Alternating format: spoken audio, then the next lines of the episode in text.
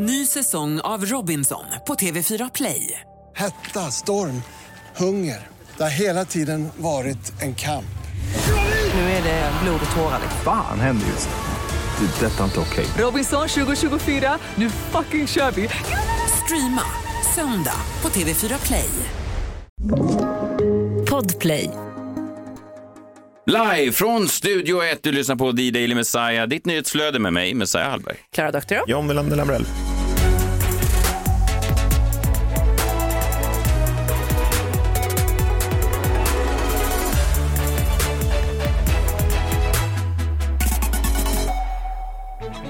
Vi måste gå ut med en eh, rättelse. Det är ju så när man har en journalistisk ambition med programmen att om man säger något som är fel så måste man gå ut med, med en rättelse. Då. Ja. Mm. Eh, vaniljhjärtan pratade vi om häromdagen. Eh, jag sa att det var vaniljsocker på. Det är det ju inte alls. Det är florsocker som ligger ovanpå de här härliga mördeggsbakelserna. Ja, men det tänkte jag också, men Ja. jag vill inte rätta det för att, att hälla vaniljsocker på, Nej, det skulle vet. bli lite bäst. Ja, det är ganska äckligt. Vaniljsocker ska man... Det är florsocker eh, allihop. Det är florsocker som ska in på vågrätt 8. Sen eh, påstod jag att eh, det var Lasse Kroner som hade blivit blåst på ett gäng kastruller. Ja. Att han hade köpt ett par kastruller som inte funkar, sa- saknar botten och sånt där. Det visade sig, det var ju inte Lasse Kroner, jag hade blandat ihop dem. Det var ju skådespelaren Morgan Alling. Också från Ja, Göteborg, just det. vilken Jaha. ursäkt där. Fan vad, vilka kunniga lyssnare vi har som Ja. hör av sig om sånt här. De har verkligen koll på det som betyder någonting. Ja, men eh, det här var ju då i mars 2014. Eh, Skådespelaren Morgan Alling trodde att han hade köpt ett habilt kastrullset, men den fräcka gatuförsäljaren hade blåst honom rejält. Vad fan, vem köper av en gatuförsäljare? Ja, men det kanske kan väl förlåta Morgan när du hör hela historien. Han var på väg till sin teater när en bil stannar bredvid honom. Nej! Jo, och ropar Hallå där, är du från Stockholm? Morgan stannar upp, tittar på mannen. Mannen eh, säger då att jag har precis eh, haft köksredskapsutställning på en stor mässa och jag har eh, några kastruller kvar. Jag måste snabbt med ett flyg till Amsterdam. Och jag får dem inte genom tullen, men, men ja, de kostar egentligen 20 000 de här specialkastrullerna, men du kan få dem för en tusing. Och Morgan nappar, kommer hem, ska koka vatten. Det går inte ens att koka vatten i kastrullen, vilket jag inte förstår hur det är möjligt. Nej, men det vad- gör de inte. Det låter ju som att han hade kokat meth eller någonting på nej. Ja. Alltså det var, det var blåsningen och han sa då... Vad hade han nu gjort? Och då sa han på, på den här tiden då i ett citat i Aftonbladet. Ja, jag tänkte hela tiden att det är något som inte stämmer. Jag genomskådade det, men jag köpte det ändå. De är ju så skickliga. Men är han Sveriges mest eh, godtrogne människa? Vet han också vad genomskåda betyder? Ja, men han Alltså sa... han kan ju inte både ha genomskådat bluffen och gått på Ja, bluffen men han kanske, samtidigt. han, de, de var ju så skickliga. Sen gick jag hem, min fru blev skitsur, men jag skrattar bara. Jag skrattar fortfarande. För livet är ju så, man gör dumma saker. Jävlar vad skickliga de är. Ja. Vilka då? De, Kastrullmännen? Ja, de är otroligt skickliga. Eller hur? Det är en det är en perfekt bluff. Allting från att de hade kastruller till att de... Ja. ja. Eh, där har ni det.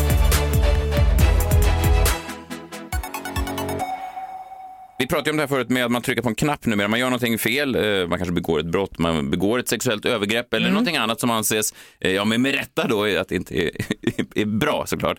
Eh, Och då trycker någon någonstans på en knapp, någon uppe i himlen, och då raderas man snabbt från historien. Från jorden syntar jag. Ja, alltså Mr Big försvann ur nya Sex and the City. Ja. Han klipptes bort, liksom i samma sekund som anklagelserna kom så är det någon som trycker på en knapp och då raderas han ut. Ja.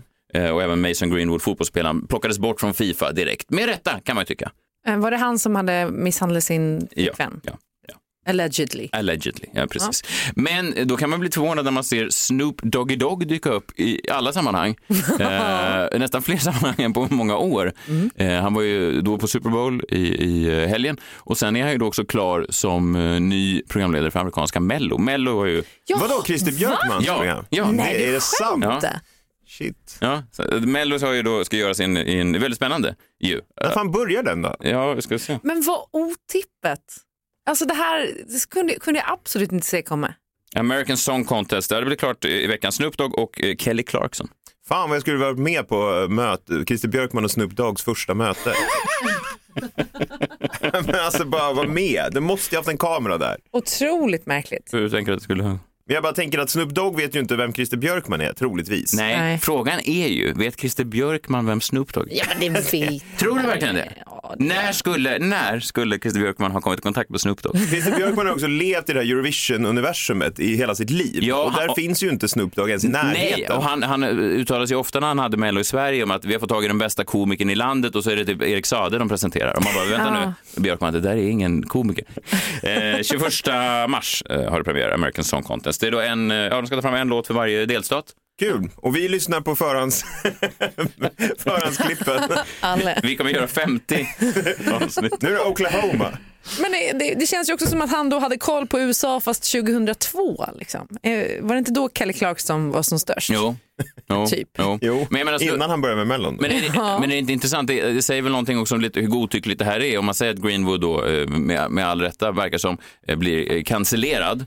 Eh, och Mr Big då anklagelser, kanceller, eh, Snoop Dogg anklagelser nu för en, eh, övergrepp i USA. Eh, inte cancellerad, snarare promotad och ingenting händer. Det, är- det, det är det som blir lite konstigt. Den här knappen verkar tryckas lite ibland. Är det att Snoop liksom redan har ett så pass kontroversiell aura att det, är nästan, det krävs mer för att trycka på den där knappen? Eller vad kan det vara? att det är en trögare knapp om man har ett brottsregister Den har innan. använts så många gånger att den har slutat fungera. Att Snoop-knapparna hänger i en sån fjäder. Det är någon som sitter där och försöker trycka. Den blir bara sån fjong. Ja, men det är att man är förbi det. Det är lite som Persbrandt. Han är större än metoo. På tal om metoo. Eh, en grej som jag funderar på. Det slog mig här då när vi nåddes av den tragiska nyheten att Ingvar Oldsberg har lämnat oss. Han omgärdades väl av någon slags metoo-rykte, att han hade varit lite douchig i alla fall. Ja, han fick ju lämna eh, Bingolotto 2017 då. Han hade ju räddat det programmet lite från graven, tittarsiffrorna gick ner och sen kom han in och så tyckte då ja. uppenbarligen en äldre del av befolkningen att ja, äntligen något trevligt på tv igen. Han Ja. hade ju den auran, Oldsberg, att han kunde ta ett, vad som helst och göra det lite mysigt. Ja, men precis. Sen kanske han inte var lika mysig off-cam. Nej, alltså det var ju liksom lite oklart. Det, var, det kom inte fram så mycket kring just eh, Oldsberg, förutom att han kanske var, liksom, ja, men som folk kan vara ibland, skitstövlar i, vissa sammanhang. Det har väl blivit metoo, men det kanske inte är 100% metoo tycker jag. Men då slog det mig när jag gick igenom och skulle hitta en bild på Oldsberg i min telefon, att jag har träffat alla offentligt metoo-anklagade män. Då- Alltså alla som blev eh, anklagade med namn och bild i alla som media försvann från den svenska offentligheten där den Varannan. hösten 2017. hade mig gemensamt. Ingvar Oldsberg då? Ingvar Oldsberg, Ja. kan ni komma på fler? Soran Ismail? Japp, han eh, bodde med i en husbil en hel sommar. Det låter oroväckande. alltså, det var, vi var kompisar, vi var på turné ihop. Ja, jag förstår. Vad, vad var det för turné? det var med tusen apor med Kalle och Alex Schulman. Nej, men det var bara du och Soran i en husbil på turné. Det var bara att, man hade hade inte hört talas om vad det, vad det var. Vad är det här för turné? Nej, och var köper man biljetter? Mardrömscirkus. En folkparksturné. Nej men eh, alltså, vi var kompisar liksom, det Ja, jag var inget konstigt. Nej, Ja. nej, och jag, jag var också eh, go- god vän med Soran, så att det är inget konstigt med det.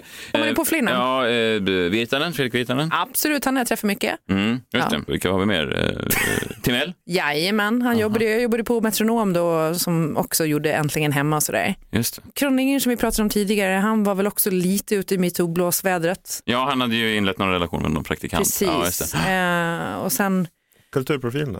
eh, Klådan. Ja.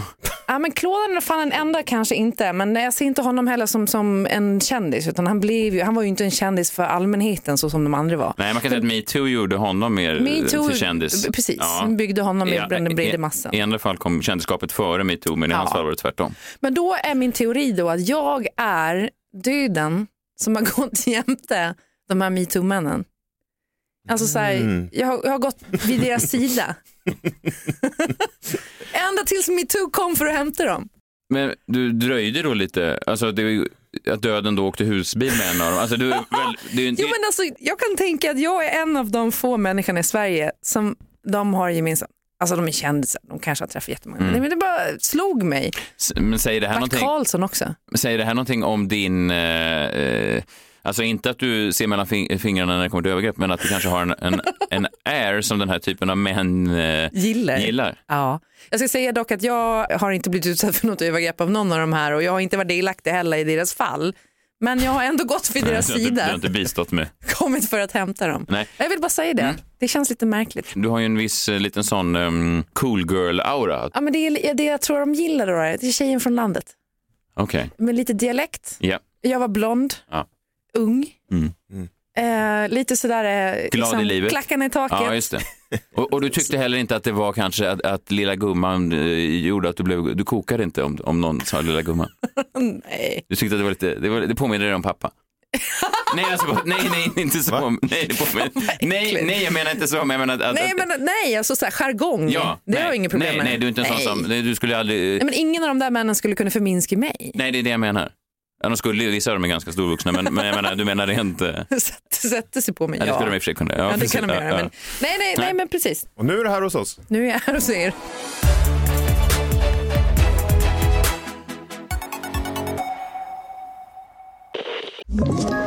Ett poddtips från Podplay.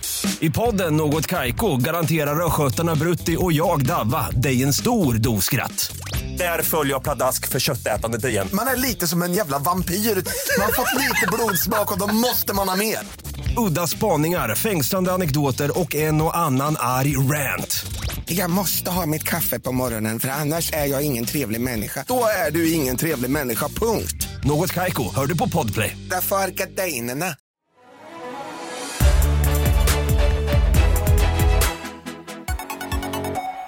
Vi pratade ju nyss om eh, Christer Björkman, en man vars eh, förmåga eh, kanske endast skuggas av sitt eget ego.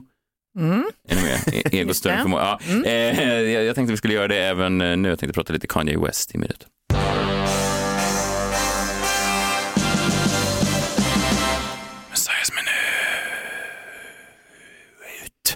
I onsdags eh, kom då den första delen på Netflix i den eh, tre delar långa dokumentärserien om Kanye West. Mycket lämpligt får man säga, i och med att han är ständigt i, han verkar ha någon slags mentalt breakdown. Eh, som tur är så fokuserar den här dokumentären på tider i hans liv som verkar vara lyckligare. Okej. I alla fall. Den heter då eh, Jesus. Alltså stavas. Ja. det stavas J-E-E bindestreck Y-U-H-S. Jesus. Förstår du? Men ännu nej, en ny nej. stavning på Jesus, alltså, för det är ju inte som han stavar då sitt Adidas, eh, alltså sitt klädmärke. Nej, nej, nej, precis. Nej, det är det inte. Märkligt. Nej. Eh, de har ju byggt upp det här på Netflix väldigt länge. De har skrivit, det är inte bara ett program, det är ett event på tre veckor. Ja, men det är Eh, också typiskt Kanye, att det ska vara ett event. Ja, men verkligen. Och första akten släpptes då den 17 februari. Det är liksom en, Kanye triology. Han har gått ut på Instagram också och var lite så här kring om han fick godkänna allting eller inte. Ja, att det var lite groll det. kring det. Han gjorde det precis när, när den här producenten var klar efter 25 års arbete så sa han, bara så du vet, jag vill ha final cut. Ja. Jag vet inte hur mycket han har fått, de säger ingenting. Jag såg den här dokumentären direkt när den kom ut, jag är ju, det spelar ingen roll, det är ingen tävling överhuvudtaget, men jag var ju då troligtvis den första svensken som köpte eh, Kanyes skiva då när den kom ut den 10 februari 2004.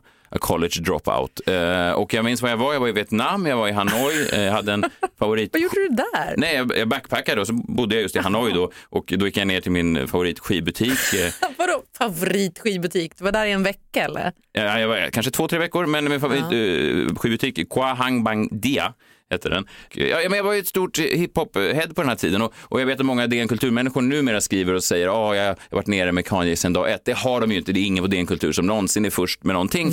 Utan det de gör på DN Kultur det är att de, de bara approprierar saker som de läser i brittiska eh, kulturmagasin och sen så gör de åsikterna till sina egna. Det är så det funkar. Det är ingen tävling. Säger du nu att det här är sanning eller det är din... Nej, det är ingen tävling, för jag vet att många på DN Kultur lyssnar på oss, så det här är verkligen ingen tävling överhuvudtaget. Men jag menar bara att om, om det någon gång blir en tävling så skulle jag vinna den tävlingen. Alltså jag menar, mina ögon är antagligen eh, mer lämpade att se den här dokumentären än någon på DN Kultur som kommer från Falun och tänker, åh vad Men spännande. vad är det för fel på folk Det är från inget Falun? fel på folk från Falun, jag bara säger att de kanske inte är direkt lämpade för att se som jag. Du då, kommer som... från Rörstrandsgatan. Ja, men det är, det är ett ganska hårt område i, i Vasastan. Ja, Du kan släppa ett manifest om hur man köper skivor före DN Kultur. Ja, det kan jag göra. I alla fall, den här eh, dokumentären är otrolig, i alla fall den första delen. Det är då eh, dokumentärfilmen Clarence Cuddy Simmons, Cuddy smeknamn. Eh, han är då någon slags misslyckad komiker i Chicago. Han filmar då hela tiden. Han filmar, han har en, någon, eh, en tv-kanal som heter Channel Zero som är någon slags öppna kanalen i Chicago på den här tiden. Vilket, för er som inte känner till öppna kanalen, det är någon slags lågbudget. Det är liksom en kille som gör allt i stort sett. Eh, och när han filmar så märker han att det inte är så mycket tittare på det här. Det han däremot får är en inblick i Chicagos hiphop-scen som på den här tiden börjar växa fram väldigt mycket. Så han är liksom de enda som är där och filmar det. Och när han går igenom sitt material så förstår han, vänta det kanske finns en guldgruva här. Och på så sätt så var han då med eh, Kanye från allra första början innan Kanye själv rappade så var han då producent till massa andra. Han var en, bra, han var, han var en, en datanörd, alltså en producent, någon som satt hemma och, och hamrade egna beats.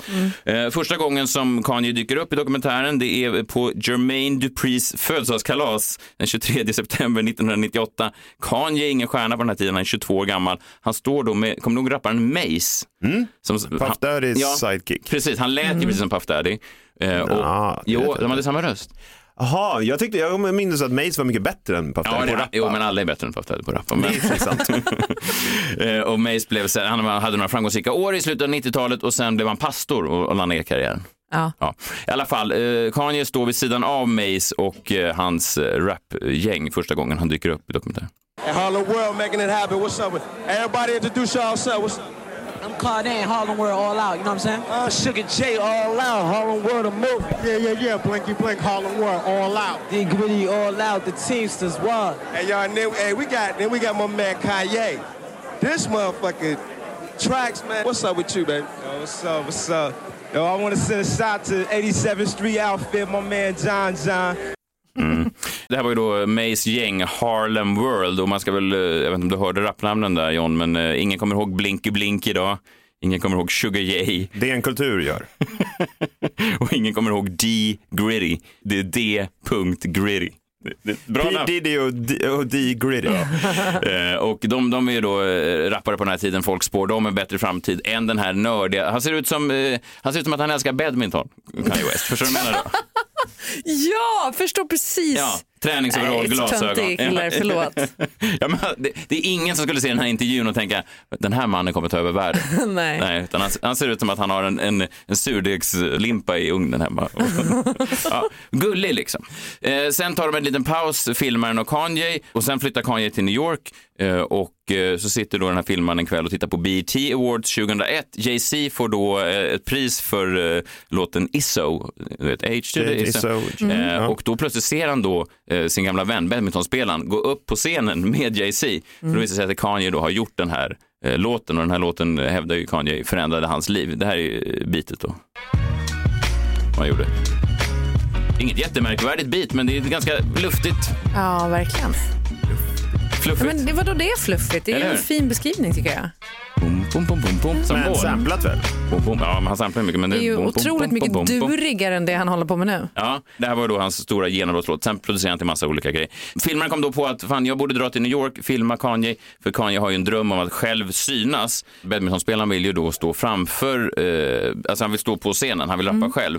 Men ett problem som många har, det kan man väl många eh, vittna om, att om man gör någonting Alltså man har en roll, oavsett om det är att man är producent och sen vill rappa eller om man är liksom komiker och sen vill vara en seriös skådespelare som, eh, jag vet inte om någon av er har känt igen er i det. Eh, eller om- eller om man- om man är porrskådis och sen vill man bli politiker. Ja. Så kanske folk säger, vänta nu, vi har sett dig sätta på för många eh, kvinnor. Jag kommer inte ta dig på allvar om du eh, diskuterar a-kassan, till exempel. Men så kan det ju vara. Men gud, det är min dröm att bli politiker. Men jag har Hette också han? Den här gjort miljöpartist var han va? Ja. Vad hände med honom? Nej, och så är Kanye. Han är alltså porrartisten som nu, äh, inte lika långt steg. Nej. Men för, tänk dig också hur många producenter är det inte som säger så här, vet du jag kan också rappa. Alltså man vill Ja, inte... jag vet. Eller hur? Ja, Eller du vet så här, roadies till rockband som bär trummor och sen så här, vet du jag är också rätt vass på gitarr. Alla bara, mm, det är lugnt Billy, Eh, ställ dig där bak. Eh, men, men, och det, det är väldigt gulligt att se det och det är fint att se en sån stor stjärna nu och se hur, han är som ett barn genom hela filmen. Alltså det är som ett litet barn som vill ut. Och Vad kan han vara här? 25 år kanske.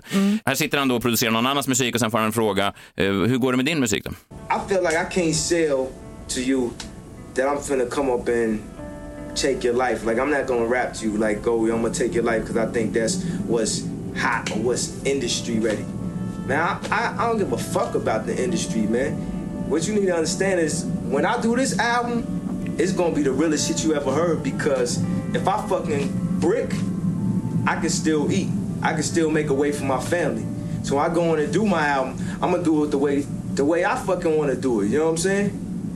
I'm not gonna say it's not a way that I could fail, but hopefully with God's blessings and I got Chicago on my side, it shouldn't it shouldn't be no way for me to lose, really. Så han har ändå planen att han ska ta över och han skiter i industrin, han skiter i att göra det på något annat sätt för att han, kan ändå tjäna pengar som producent så han behöver liksom inte göra någonting som är lämpligt just då för marknaden. Vilket är en bra eh, inställning såklart när man gör konst, att man inte bryr sig om vad folk eh, tycker. Men det är ju eh, konstigt på den här tiden då att först går han till Rockefeller som är Jay-Z's skivbolag dit han producerar låtar och uppenbarligen är bra på. Men de vill ju då inte signa honom. Nej. Trots att han producerar, alltså de tar hans låtar, betalar honom inte jättebra eh, och tycker att han är grym som producent men de vill inte signa hans egen skiva. Nej. Nej. Det finns en otrolig scen när han då går in med sin skiva, när han har spelat in en låt, All Falls Down, så går han in då på Rockefellers eh, skiv, skivbolagskontor, eh, går in till någon ekonomiassistent, tar ut låten som de lyssnar på, sätter på sin egen låt och börjar rappa för den här ekonomiassistenten som inte vet vad som pågår. Alltså, alltså, förstår? Så Hon reagerar inte. Eh, Då tar han skivan ut, går in till nästa, till några marknadsföringsmänniskor, sätter in den där, stänger av deras musik, sätter på sin egen låt och börjar rappa. Och de eh, blir så stressade, för det är ju en dokumentärfilmare där som också, han säger inte vad som pågår. Nej, de fattar ingenting. Nej, de fattar ingenting. Plötsligt och kommer de bara- vågar ju inte reagera på det då Nej, heller. och, och han har hög volym på så de här olika kvinnorna försöker då prata med varandra över musiken, samt som Kanye står och rappar sin egen låt. Ja. Eh, och sen så tar han ur skivan och går väldigt moloken därifrån. Det, blev, det blev inget. Jag gick på en sån här eh, ett program förut från Arbetsförmedlingen där man skulle då få ett jobb. Det här var när jag var tonåring. Och då, det, det, ja, men det var något liknande för att då skulle man då söka upp arbetsplatser där man gärna ville jobba. Alltså inte de som sökte folk till jobbet. Nej, bara Man skulle- spontan ja. Man skulle knacka på kanske på något ekonomikontor så här. Halli hallå. Här är jag. Ni undrar vad jag gör här? Jag är bara väldigt nyfiken på ert jobb. Vad kan ni, Ja. alltså vad gör ni här?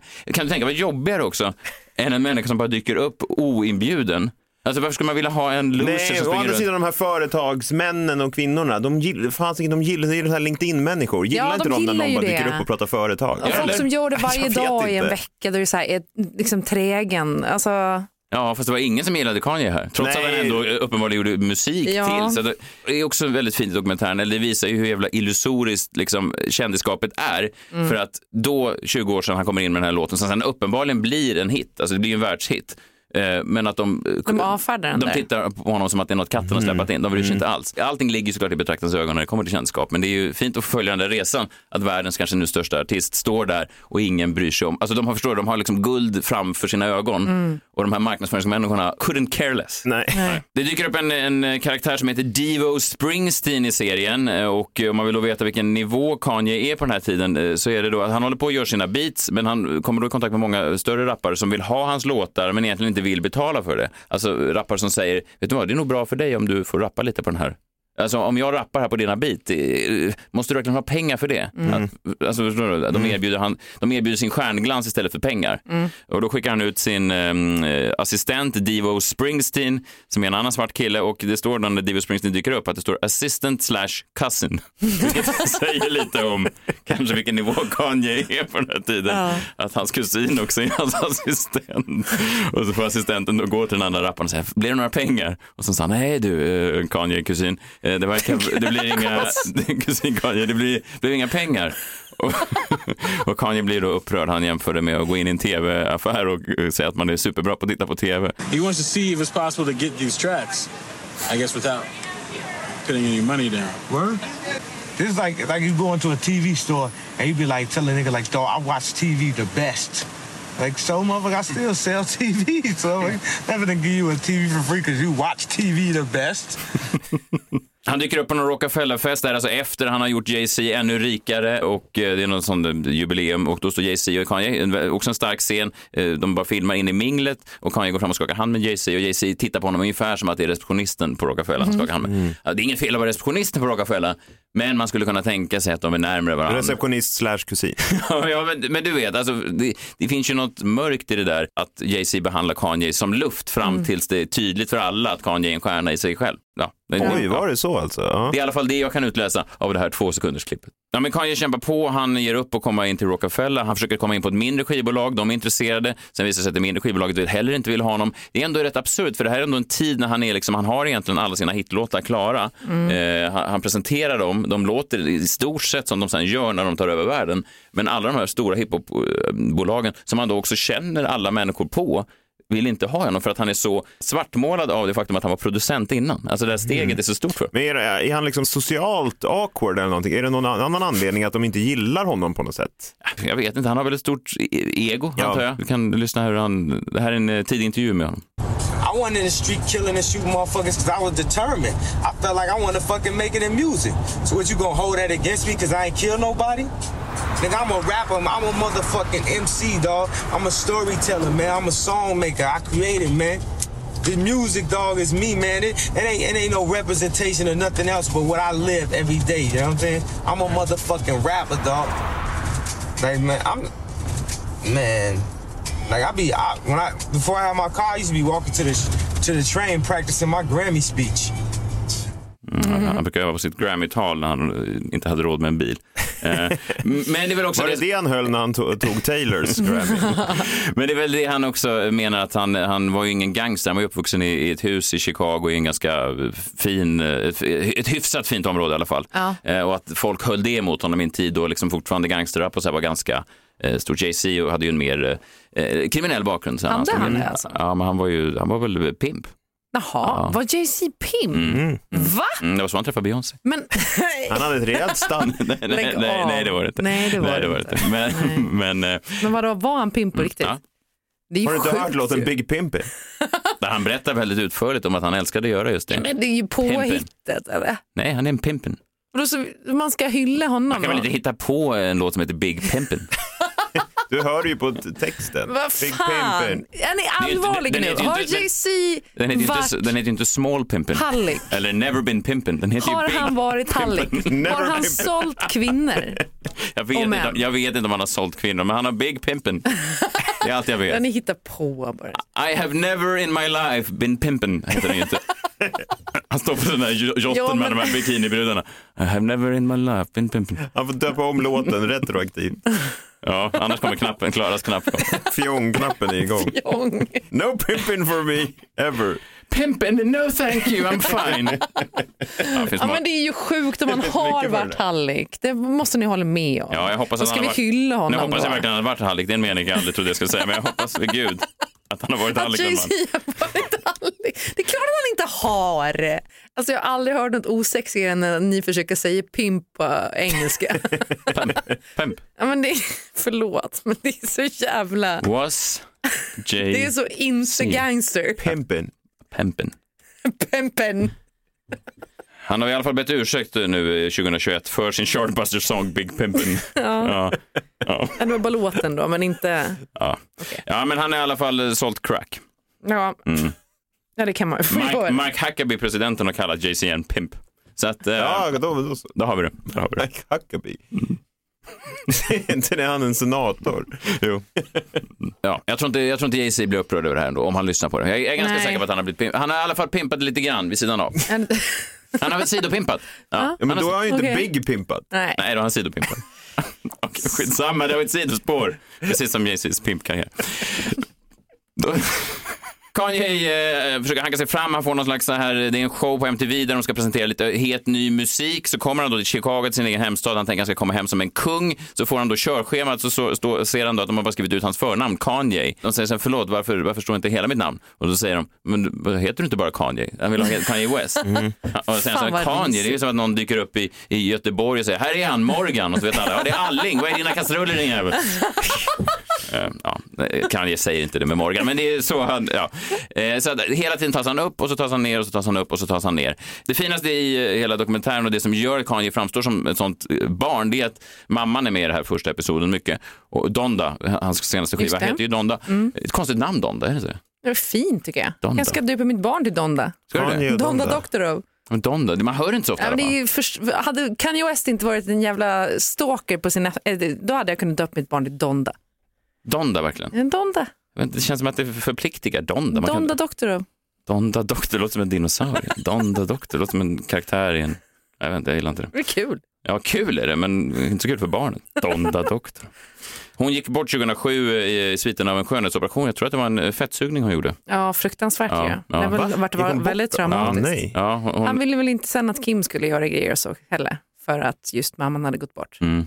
Eh, ja, men hon uppfostrar honom och eh, det är det är väldigt fint att höra hur de sitter och, och pratar med varandra. I en fin del så återvänder Kanye då till det här huset som mamman eh, och han bodde i fram till han var 10-11 år. Och eh, ja, men det är bara, det är bara gulligt. I'm, I don't know. I just I just want to say like I appreciate. I would like to congratulate you on the good job that you did with me. I might take a little bit of credit. yeah, yeah. You get you get mom a little bit of credit. Och man kan väl egentligen hävda att efter hon dog så började Kanyes väg in i mörkret. Han gjorde ju en typ av musik innan hon dog och en typ av musik efter. Och han, Ja. han blev ju mer, alltså det, det är ju verkligen om man har följt hans karriär, en Kanye fram tills dess och sen en helt annan efter. Men här i den första delen, innan allt det där andra mörka skiten har börjat, så är han en glad, sprudlande, ett barn i alla fall när mamman är i närheten. Sen till slut då, den 18 augusti 2002 så får han då till slut sitt första skivkontrakt och då blir det med Rockefeller Records ändå. De hör av sig igen, Damon Dash då som är skivbolagsdirektör, signar honom, återigen för att visa vilken nivå han var på. När han får samtalet att han ska få skivkontrakt, då eh, går han och hans vänner till Burger King som sitter där och dricker varsin cola, äter fries och säger oh, great, jag fick precis mitt första eh, record. Ja, label." gulligt. Ja, och du frågar då hur mycket har Kanye själv styrt den här dokumentären? Jag tror inte så mycket, för det är med en del scener som jag tror inte skulle varit med om han själv hade fått styra. Bland annat är det då en scen samma dag då som han får skivkontrakt där han är ute i New York och han stannar till ett sånt här tidningsstånd. Ni vet, sån här som jag gillar, sån här gammaldags tidningsstånd. Ja, det gör det verkligen. Ja, eh, och då säger han så här, förlåt, det här är lite av ett beroende. Så han, ursäkta, jag skulle vilja ha en, ett exemplar av tidningen Black Tail dock. Black Tail? Black Tail, alltså bla- Ja, svart det svans. är Big Pimpins officiella fansign. Nej, det är alltså då en, som jag förstår vid den lilla sekunden man ser den framsidan, det är då en, en, en porrtidning med bara svarta kvinnor. Ja. Black Tail. Ja. Och så stoppar han ner den i en brun papppåse och sen sitter han då och dricker cola med sina vänner, med sitt skivbolag och sin tidning ja, med Black Tail bredvid sig.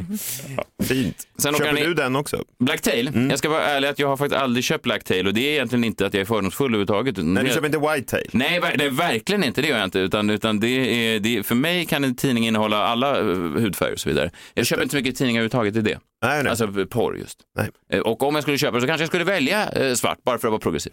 Okej. Eller vit. Eller Asian tail. Asian. Jag har ingen aning. Nej. Nej, det finns så många olika. Ja, det, det gör det. Planeten är stor. Jorden är rund. Det finns många olika kvinnor och män. Ja, Ja, och folk i rullstol. och folk däremellan också. Ja, verkligen. Mm. Big Pimpin. I augusti 2002 skriver han på för Rockefeller. Sen går han ut och firar med sina vänner på eh, Original Leons Barbecue. I just signed a Rockefeller Records. I just signed a Rockefeller. You ever heard of Rockefeller? Yeah. Vad sa hon? Eh, with Damon Dash. Va? Det var min imitation av kvinnan som Jaha, jobbar på okej, Original ja. Leons Barbecue. Okej. Mm, jag ska inte göra om rösten. Nej, nej. Jag vet, jag tror inte att det kanske var helt okej. Det tror jag inte. Nej.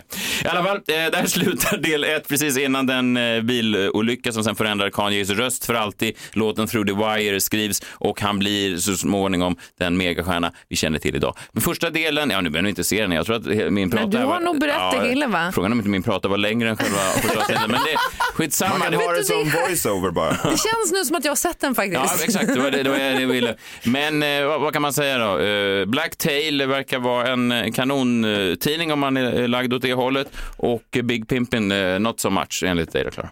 Nej. Nej, men in och se den. Jesus, tre delar på Netflix. Släpps nya avsnitt nu varje onsdag.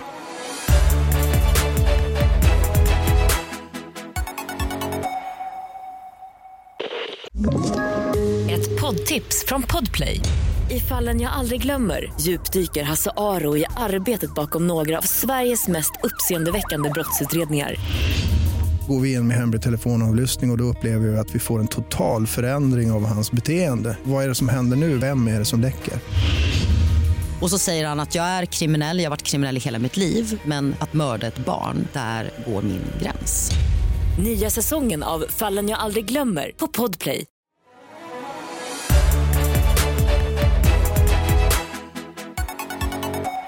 Varje torsdag vet ni vad som gäller. Då är han i studion, Sveriges främsta krimexpert, John Wilander Lambrell. Jag såg Leif GW var i, i, på nyheterna här um, häromdagen och började luska i det här Kevin-fallet. Och ganska kontroversiella grejer sa han då om att det var någon, någon flyktingpojke som var involverad i mordet. Mm. Alltså, det var, kommer du vara lika kontroversiell i dagens krimmorgon? Eh, det vet man aldrig. Man vet aldrig var det landar. Krimmorgon. Gud vad spännande. Eh, Du tittar närmare på ett eh, fall eh, och ibland så är det ja, det så kallade G-ordet. Godingar, ni får bipa det här då. Ja, precis. Ja. Och det här är ju ett av alltså, världshistorien, en av världshistoriens största G-ord. Eh, får- kan man säga. Jag, tänker, ja, G, jag vet inte, G-ord, man tänker på G-punkten då, den som Katarina Janouch sökte i alla år och sen kom, kom de fram till att den Aldrig inte... fann. Nej, den aldrig fann. Ja, men den finns ju. Ja, men G? Jag har fått G-punktsorgasm. Eh, Ska vi se, okej. vad hade du för fall? Just det, eh, jag har fått G-ordsorgasm till det här fallet kan jag i alla fall säga. Du lyckas toppa Klaras obehaglighet. Men Ja. Men vadå obehagligt? Eh, ja, men det var faktiskt eh, obehagligt. Det klipper vi bort. Vi skriver ner här. Det har bara hänt en gång vill jag tillägga. Den var svår att hitta. Otroligt svår. Ja, Du fick kalla in Katarina Janouch. ja Hon men det, hittade bara en asylmigrant där inne. Hon ut. Vad är det? Nu är det du som är GV-kontroversiell här. Någon ska få skadestånd för det där i alla fall. Skitsamma. Eh, nu är det dags för att eh, vi ska återvända till ett fall. Okej. För det var eh, bara häromdagen, femårsdagen för det som kallas för The Delphi Murders. Oh, det, här är nästan, det här är nästan blivit ditt favoritfall, kan man säga så om eh, brutala mord? Alltså det, du återkommer till det här, för det, de söker ju då efter en, en mördare, det är oklart vem det är, och så kommer det lite grejer, det händer grejer hela tiden. Ja, och det här är också ett relativt nytt fall för att många av de här äh, liksom, klassikerna eller så som man tänker Palmemordet och John Benet Ramsey och Madeleine, så här, de, har ju, de har ju blivit till åren. Eh, och det här är ju faktiskt bara fem år eh, gammalt det här fallet. Eh, och det handlar ju om mordet på de två vännerna Libby och Abby, det eh, kallas också för Snapchat-mordet. Precis. Eh, vi pratade om det i första veckan av eh, podden faktiskt. Och det var fem år sedan det här hände och då brukar det alltid komma lite uppdateringar. Det är liksom i allra högsta grad ett eh, hot case, alltså motsatsen till ett cold case. Och det jag arbetas med varje dag. Och jag tänkte, om man inte har liksom hängt med så Nej. jag bara drar det lite kort det. Mm. då, vad som har hänt. Eh, det var ju alltså den 13 februari 2017 som Abby och Libby var ute vid en gammal järnvägsbro som låg eh, nära där de bodde, för de hade ingen skola, det var en tisdag. De blev avsläppta av eh, Libbys syster. Libby och Abby är 13 och 14 år gamla. Var befinner vi oss, sa du? Delphi i Indiana I USA. i USA den 13 februari 2017. De blir avsläppta då vid det här. Det är liksom någon slags det är en vandringsled och så är det en sån här gammal träbro där det eh, åkte tåg över för länge sedan. Men nu är den avstängd men man kan åka dit och de är ganska snygga bilder där. Så det, det, är väldigt sceniskt. Den kallas för Monon High Bridge. Men då när de ska plockas upp igen, Libby Abby, så hittar man dem inte. Man börjar en sökinsats och eh, tyvärr då så hittar man dem döda och mördade dagen därpå i närheten av den här bron. Men det som hände sen då är ju en av anledningarna till att det här mordet har blivit så uppmärksammat. Det är ju att polisen släpper en video som Libby har filmat på sin mobil. Hon har filmat den här videon av en man som börjar gå mot dem på den här bron. Och ganska snabbt inser man ju att så här, vem är den här personen? Och eh, han har inte gett sig till känna, det här måste ju vara mördaren. Och eh, på den här videon som hon har spelat in så finns det också ljudupptagning då av den här mannen, an, får man anta, eh, som man ser på videon när han säger det här. Vi lyssnar.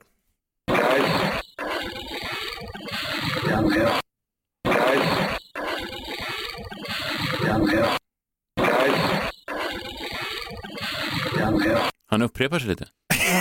Ja, det här var ju, jag har klippt in det tre gånger för att det är svårt att höra vad han säger. Ja, jag fattar. Det Eh, förklarar sig. Han säger ju då guys down the hill.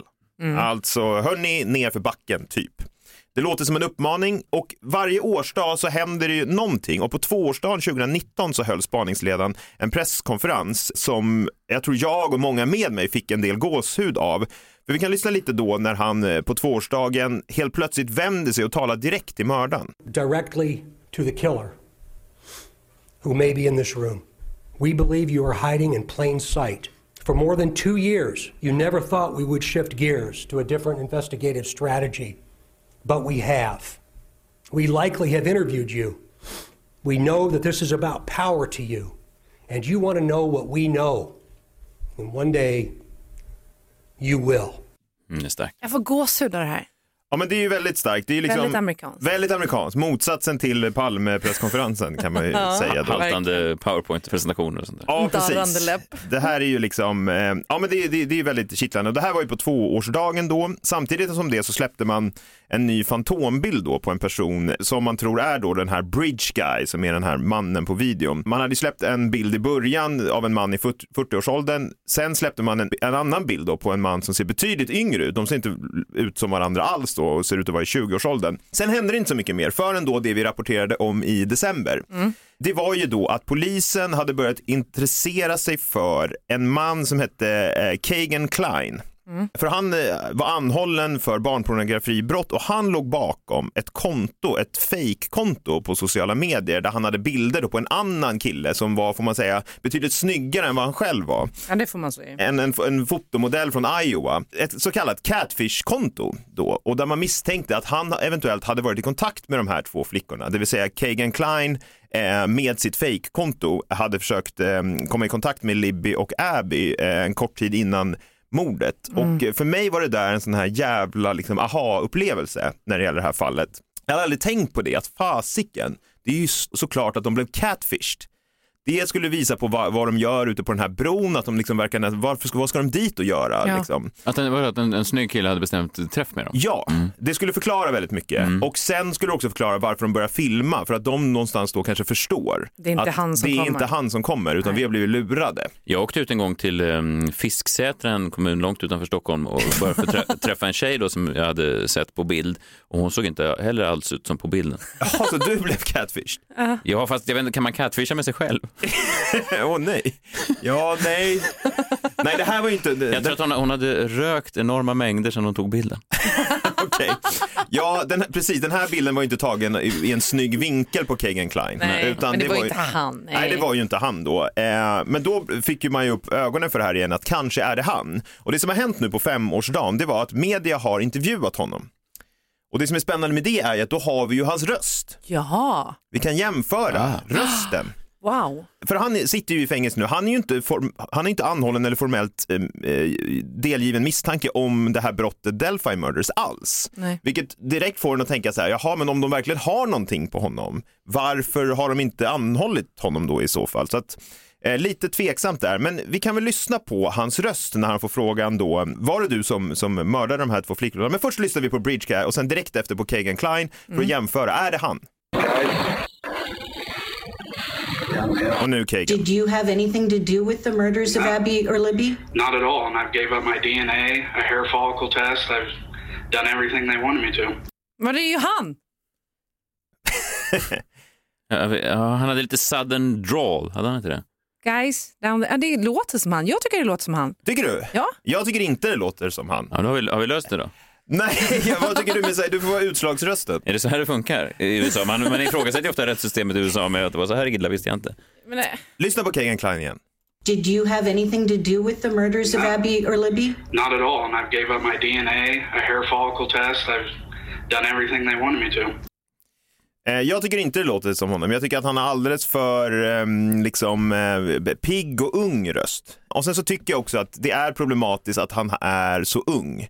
Han skulle ju varit alltså 22 när det här mordet skedde och jag tror inte att gärningsmannen är så ung. Han ser inte så ung ut, hans röst låter inte så ung. Jag tycker också att hans röst låter mycket mer självsäker än Kagan Kleins. Mm. Vad tyckte du med så här? Nej, men det det är svårt, det är svårt såklart. Men, men, men man, man, man får en lätt överviktig eh, man och lite äldre man som ber dem gå ner för, för eh, Ja. kullen. Och den här andra lät inte som en äldre överviktig Ja, man. men det är han ju. Nej, Eller han är inte äldre, han men är yngre. överviktig. Ja, han är överviktig, kanske lite för överviktig. För att sammanfatta då, jag tror inte att det är den här Kagan Klein, han är för ung. Och jag tycker inte att han ser ut som Bridge Guy. Jag tror Bridge Guy är äldre, eh, han har en annan kroppsform. Ja, men om man är intresserad av att få lite mer eh, längre genomgång av fallet så pratade vi om det här i avsnitt fyra av podden, så det kan man lyssna på innan då om man vill vara helt upp, om man inte är insatt i detaljerna ja, kring det efter här. får man väl lyssna. Eftersom du sa det här nu i det här avsnittet. Det blir svårt att gå tillbaka i en tidsmaskin. Då får vi ta in Det är bara framtidsmannen. framtidsmannen Nej, kan. Får man gå nu eller? Jag håller på att kissa på mig. Ja, så du kan få gå. jävla kissnödig. Ja, det är och ni har pratat i 200 år. Ja, men så- det, ja, så är det. Eh, det är väl kul att få höra män prata lite, Klara Doktor, då, eller? Ja, Men det det är för få män som tar... Story of my Det är life. för få män som tar plats här i världen och låter sina röster höras. Så det slår vi gärna ett slag för här i manspodden eh, The Daily Mis- Misogynist. Misogynist. Daily Misogynist. Okej, eh, ja, vi är tillbaka imorgon. Gå och kissa då, Klara. Eh, gör det inte i studion. Ni vad, imorgon, vi har en gäst också imorgon. Eh, han ska vara med i Mello på lördag. Men innan dess så gästar han The Daily Messiah-studion. Anders Bagge är här. Ja, Det vad blir kul. roligt. Vi ska också Ja. lyssna på hans låt och de andra deltagarna. Ja, det blir kul. Lyssna på oss imorgon. Vi går igenom alla låtarna vi hör om vi trycker hit eller diss eller vad vi nu gör. Och hoppas att det inte är några hundar med i studion. Inte för att jag inte tycker om hundar, utan för att jag vet att det är en kille inne på eh, Kicks, vår konkurrerande station, som dör av hundallergi. Vi hörs imorgon. Hej! Har ni hört på Kicks? Det är kanon. Hej! Nej, vad fan är Kicks? Jag tror att det är Gry. Mix! Mix. Mix. Ber om ursäkt.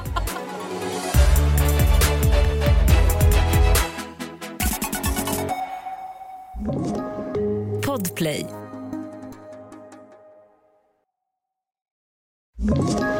Ett poddtips från Podplay. I fallen jag aldrig glömmer djupdyker Hasse Aro i arbetet bakom några av Sveriges mest uppseendeväckande brottsutredningar. Går vi in med hemlig telefonavlyssning och, och då upplever vi att vi får en total förändring av hans beteende. Vad är det som händer nu? Vem är det som läcker? Och så säger han att jag är kriminell, jag har varit kriminell i hela mitt liv men att mörda ett barn, där går min gräns. Nya säsongen av Fallen jag aldrig glömmer på Podplay.